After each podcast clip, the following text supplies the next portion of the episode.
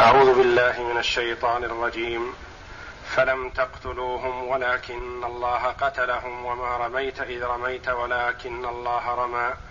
وليبلي المؤمنين منه بلاء حسنا. إن الله سميع عليم. ذلكم وأن الله موهن كيد الكافرين. رميت إذ رميت ولكن الله رمى. وليبلي المؤمنين منه بلاء حسنا إن الله سميع عليم. ذلكم وأن الله موهن كيد الكافرين. هذه الآيات في سياق الحديث عن غزوة بدر الكبرى. وقد تقدم لنا الكلام على الآيات السابقة. والآن بعدما انتهت الغزوة وأعز الله رسوله والمؤمنين وخذل أعداءه رجع رسول الله صلى الله عليه وسلم ومن معه من المؤمنين إلى المدينة. فصار بعض الصحابة رضوان الله عليهم يتحدث بعضهم يقول قتلت وأسرت أو يقول قتلنا وأسرنا. فالله جل وعلا يؤدب عباده المؤمنين ويعلمهم بأن يفوضوا جميع أمورهم إليه وأن يعلموا أنه لا حول لهم ولا قوة ولا قدرة على قتال الكفار لولا أن الله جل وعلا قواهم على ذلك وأقدرهم. فلم تقتلوهم ولكن الله قتلهم. الفاء هنا يعبر عنها علماء اللغة بأنها فاء واقعة في جواب شرط مقدر. تقديره إن ادعيتم قتلهم أو إن زعمتم قتلهم فلم تقتلوهم. ولكن الله قتلهم. لا قدرة لكم على قتلهم ولا قدرة لكم على الغلبة عليهم لأنهم أكثر منكم عددا وأكثر عدة. ولكن الله جل وعلا هو الذي أقدركم على قتلهم. وهو الذي قواكم عليه فلم تقتلوهم بحولكم وقوتكم ولكن الله بنصره لكم وتأييده إياكم بما أمدكم به من القوة ومن الملائكة. فلم تقتلوهم ولكن الله قتلهم. وما رميت إذ رميت ولكن الله رمى. ولكن الله قتلهم لكن فيها قراءتان سبعيتان. لكن بالتشديد لكن بالتخفيف.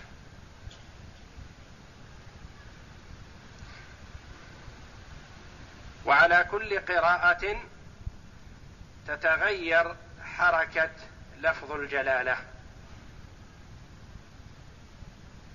ولكن الله قتلهم. اسم الجلالة مع التشديد لكن ماذا يكون منصوب. ولكن الله قتلهم. محله من الإعراب؟ نعم. اسم لكن واسمها منصوب. ولكن الله قتلهم. وبالتخفيف ولكن الله قتلهم. ولكن الله قتلهم. تكون حينئذ لكن هذه لا عمل لها ملغاة. ولفظ الجلالة مبتدأ. ولكن ولكن الله قتلهم. وما رميت إذ رميت. وما رميت إذ رميت. نفى جل وعلا الرمي وأثبته لرسوله صلى الله عليه وسلم. ما رميت منفي إذ رميت هذا ثابت. تقدم لنا في الآيات السابقة أن النبي صلى الله عليه وسلم لما كاد أن يتقابل الجيشان جيش الإيمان بقيادته صلى الله عليه وسلم وجيش الكفر والضلال خال من القيادة ليس بقيادة شخص معين. تضرع رسول الله صلى الله عليه وسلم على ربه وألح إلحاحا شديدا واستنصر ربه ورفع يديه عليه الصلاة والسلام ورفع اليدين والإلحاح في الدعاء من أسباب الإجابة حتى سقط رداء النبي صلى الله عليه وسلم عن منكبه فالتزمه أبو بكر رضي الله عنه ورفع رداءه صلى الله عليه وسلم وقال كفاك مناشدتك ربك فإن الله منجز لك وعدك ما وعدك به أو كما قال رضي الله عنه.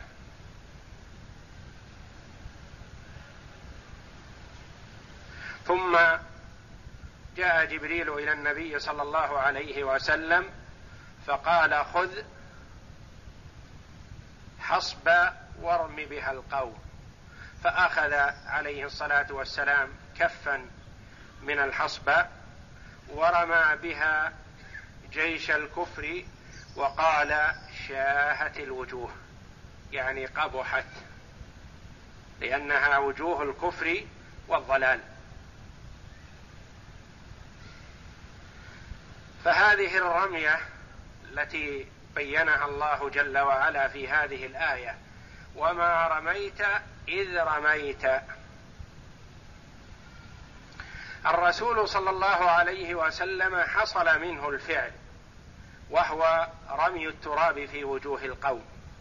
لكن هل في استطاعة بشر أن يرمي كفا من التراب فيصيب الجيش كله؟ ألف مقاتل. أو في حدود الألف. كل واحد منهم يأتيه نصيبه من هذا التراب فيصيب عينيه ومنخريه وفمه بإذن الله جل وعلا. هل باستطاعة مخلوق أن يفعل ذلك؟ أن يوصل هذا الكف من التراب إن وصل إلى واحد أو اثنين أو خمسة أو عشرة ممكن.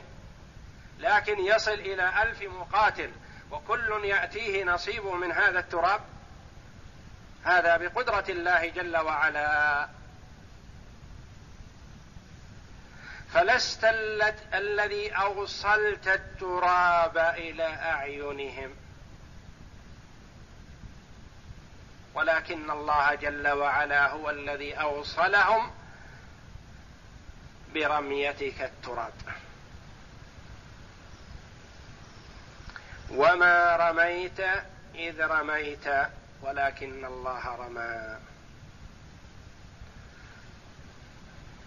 فلم تقتلوهم ولكن الله قتلهم.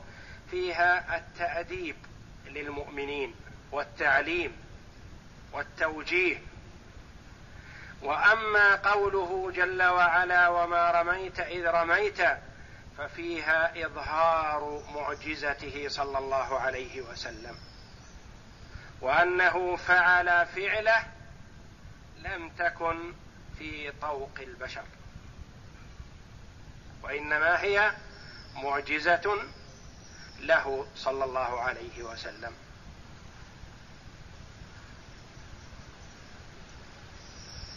ففي صدر الآية التوجيه والتعليم للمؤمنين. وفيما يتعلق بالنبي صلى الله عليه وسلم إظهار المعجزة والكرامة كفا من تراب بيده الشريفة عليه الصلاة والسلام. يصيب القوم كلهم حينما رماه. وما رميت إذ رميت وما أوصلت التراب إلى أعينهم. أو ما أصبت أعينهم. إذ رميت الحفنة من التراب ولكن الله رمى هو الذي أوصلها إليهم. فاشتغلوا بأعينهم. يعرفونها. وانشغلوا عن المسلمين.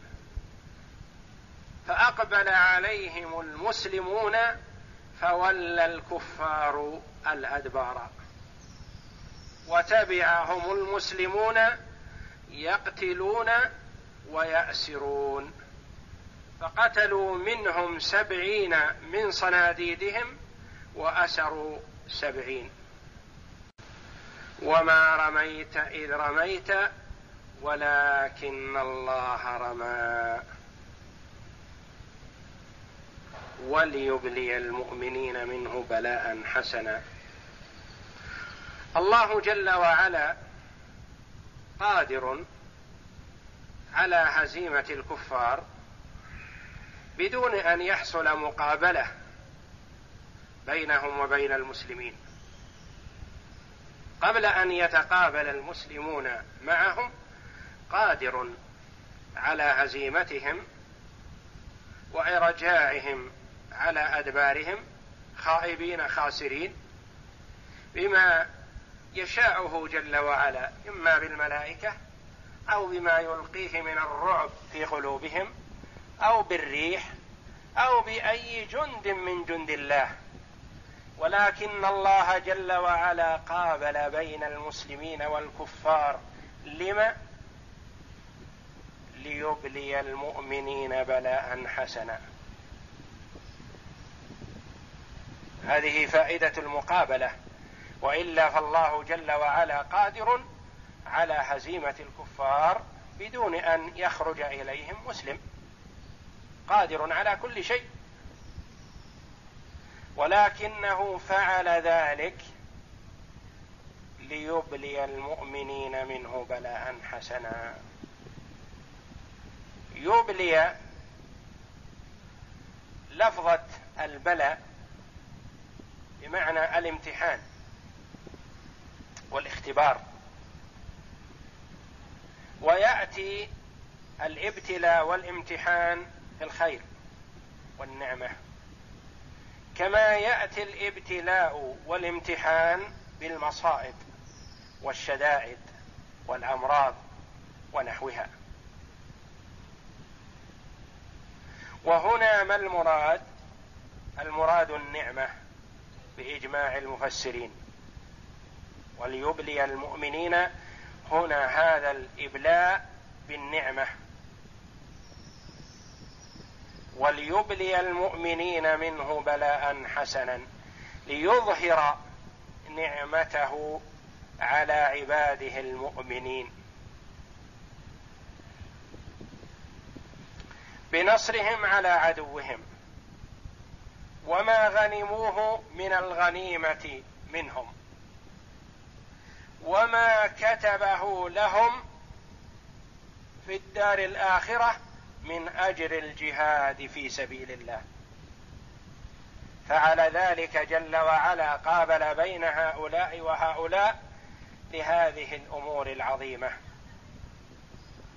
وليبلي المؤمنين منه بلاء حسنا. ليظهر نعمته على عباده المؤمنين. وهذه النعمة نعمة النصر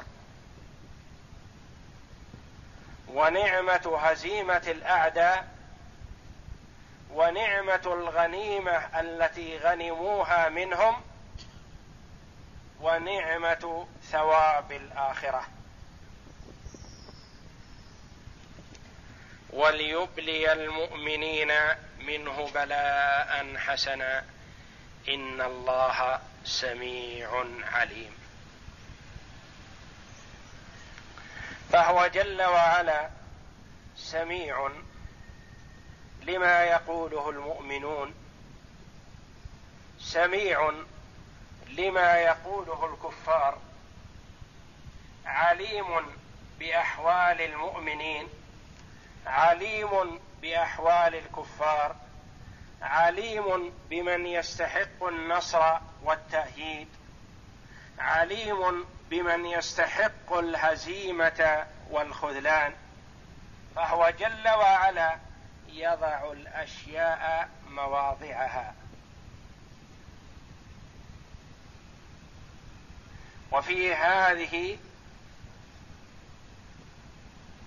إثبات صفة العلم لله جل وعلا وإثبات صفة السمع جل لله جل وعلا وهو سمع يليق بجلاله فلا يشبه بسمع المخلوقين ولا يشبه علمه بعلم المخلوقين وإنما علم المخلوق على قدره وسمع المخلوق على قدره وعلم الله جل وعلا وسمعه على قدره سبحانه وتعالى.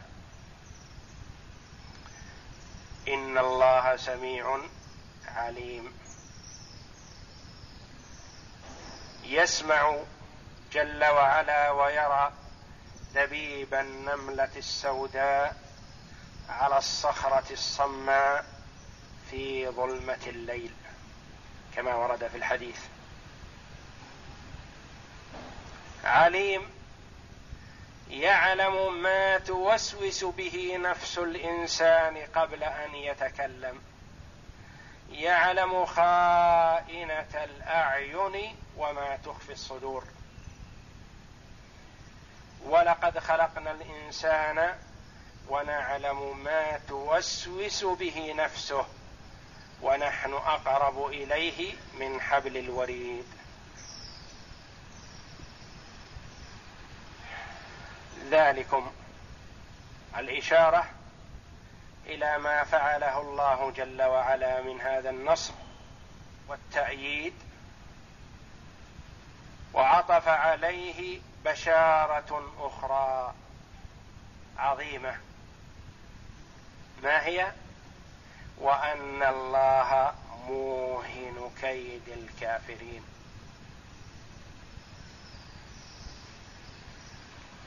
ذلكم الذي فعله جل وعلا حق وواقع موقعه.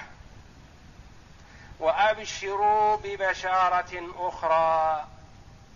لا تظنوا أن النصر لكم في هذه المعركة فقط أو في هذا اليوم فقط بل وعد منه جل وعلا بأنه موهن خاذل. ومضعف. كيد الكافرين مكرهم وخداعهم للمؤمنين. فدائما كلما كادوا كيدا أو مكروا مكرا فالله جل وعلا مبطله.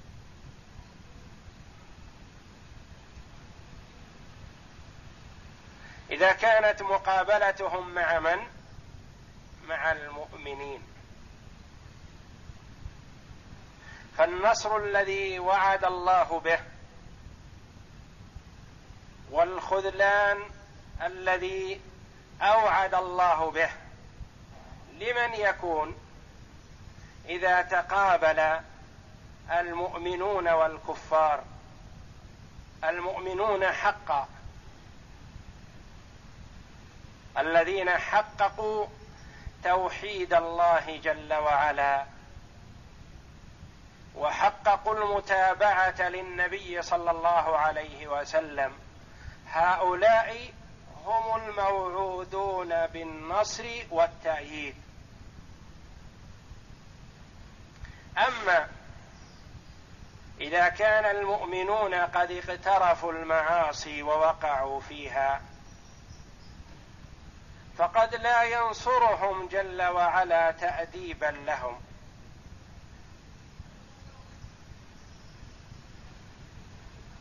كما وقع حينما عصوا أمر رسول الله صلى الله عليه وسلم في يوم أحد حينما عصى بعض الصحابة رضي الله عنهم أمر النبي صلى الله عليه وسلم صارت الهزيمة عليهم. بعد أن نصرهم الله اولا وغلبوا الكفار وانهزم الكفار عصى الرماة أمر النبي صلى الله عليه وسلم فرجع عليهم الكفار وقتلوا منهم العدد الكثير من الصحابة رضوان الله عليهم. تاديبا للمؤمنين بأن عليهم طاعة الله وطاعة رسوله. فإذا أطاعوا الله وأطاعوا الرسول فليبشروا بوعد الله من النصر والتأييد؟ وإذا خالفوا أمر الله وعصوا رسوله صلى الله عليه وسلم تخلف النصر لحكمة يريدها الله جل وعلا.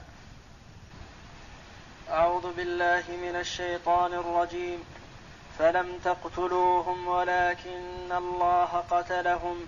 وما رميت إذ رميت ولكن الله رمى. وليبلي المؤمنين منه بلاء حسنا. إن الله سميع عليم. ذلكم وأن الله موهن كيد الكافرين. قال العماد بن كثير رحمه الله يبين تعالى أنه خالق أفعال العباد وأنه المحمود على جميع ما صدر منهم من خير لأنه هو الذي وفقهم لذلك وأعانهم عليه. قول الإمام ابن كثير رحمه الله يبين تعالى أنه خالق أفعال العباد. وهذا قول أهل السنة والجماعة أن العباد وأفعالهم مخلوقون لله جل وعلا. فالعبد يفعل وهو أي العبد وفعله مخلوق لله جل وعلا. والله جل وعلا وفق من شاء من عباده للعمل بطاعته فضلا منه وإحسان.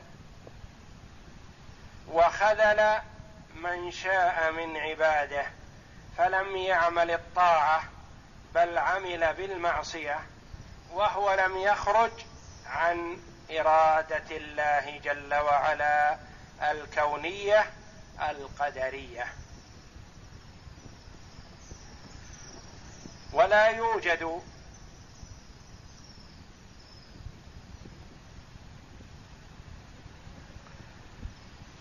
خالق أو موجد في الوجود غير الله جل وعلا فهو الخالق لكل شيء خلافا لبعض الطوائف الضالة الذين يقولون إن العباد يخلقون أفعالهم بدون أن يكون هناك إرادة من الله جل وعلا لهذا الفعل والخلق. وهؤلاء القدرية نفاة القدر والذين عبر عنهم النبي صلى الله عليه وسلم بأنهم مجوس هذه الأمة لأن المجوس يثبتون خالقين. تعالى الله فيقولون النور خالق الخير والظلمة خالق الشر. وكذلك المعتزلة من هذه الأمة يقولون إن العباد مستقلون بخلق أفعالهم. والله جل جل وعلا لا تأثير له في خلق أفعال العباد وإنما العباد هم الذين يخلقون أفعالهم. فكأنهم تشبهوا بالمجوس الذين يثبتون خالقين تعالى الله عما يقولون علوا كبيرا. ولهذا قال فلم تقتلوهم ولكن الله قتلهم. أي ليس بحولكم وقوتكم قتلتم أعداءكم مع كثرة عددهم وقلة عددكم أي بل هو الذي اظفركم عليهم كما قال ولقد نصركم الله ببدر وأنتم أذلة الآية. وقال تعالى لقد نصركم الله في مواطن كثيرة ويوم حنين إذ أعجبتكم كثرتكم فلم تغن عنكم شيئا وضاقت عليكم الأرض بما رحبت ثم وليتم مدبرين. فما كان النبي فما كان الصحابة رضوان الله عليهم والمقاتلون معه أكثر منهم من يوم حنين. ومع ذلك ولوا الأدبار. كثير من الصحابة انهزموا ولم يثبت إلا النبي صلى الله عليه وسلم وعدد قليل معه من الصحابة ثم تراجعوا بعد ذلك. وقد قال بعض الصحابة حال خروجهم إلى حنين لن نهزم اليوم أو لن نغلب اليوم من قلة. يعني نحن عدد كثير فانهزموا. لأن النصر والغلبة ليس بالعدد والعدة ولكنه بتوفيق الله جل وعلا ونصره وتأييده. يعلم تبارك وتعالى أن النصر ليس على كثرة العدد ولا بلبس اللامة والعدد.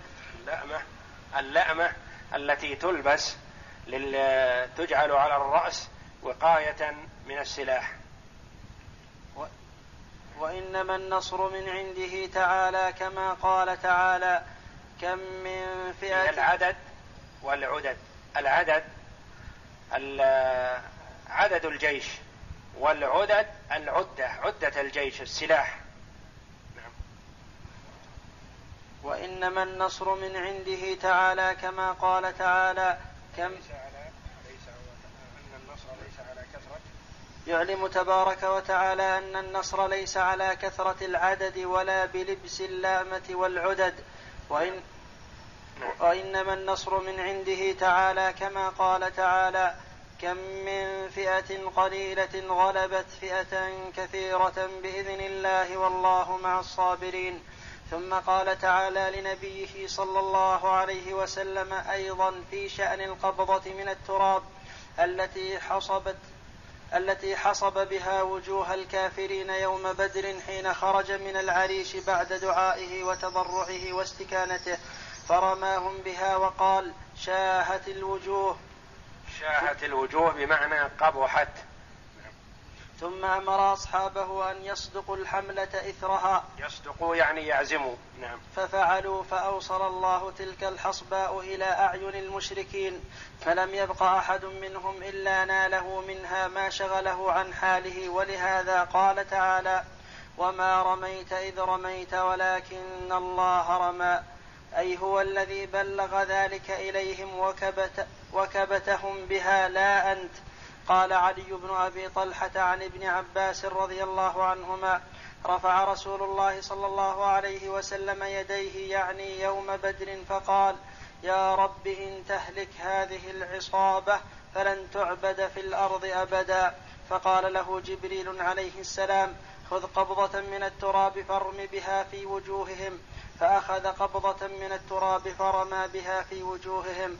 فما من فما من المشركين أحد إلا أصاب عينيه ومنخريه وفمه تراب من تلك القبضة فولوا مدبرين. وقال السدي قال رسول الله صلى الله عليه وسلم لعلي رضي الله عنه يوم بدر أعطني حصباء من من الأرض فناوله حصباء عليه تراب فرمى به في وجوه القوم فلم يبق مشرك إلا دخل في عينيه من ذلك التراب شيء. ثم ردفهم المؤمنون يقتلونهم ويأسرونهم وأنزل الله فلم تقتلوه عن محمد بن قيس ومحمد بن كعب القرظي قال لما دنا القوم بعضهم من بعض أخذ رسول الله صلى الله عليه وسلم قبضة من التراب. بعضهم من بعض المسلمون دنوا من الكفار.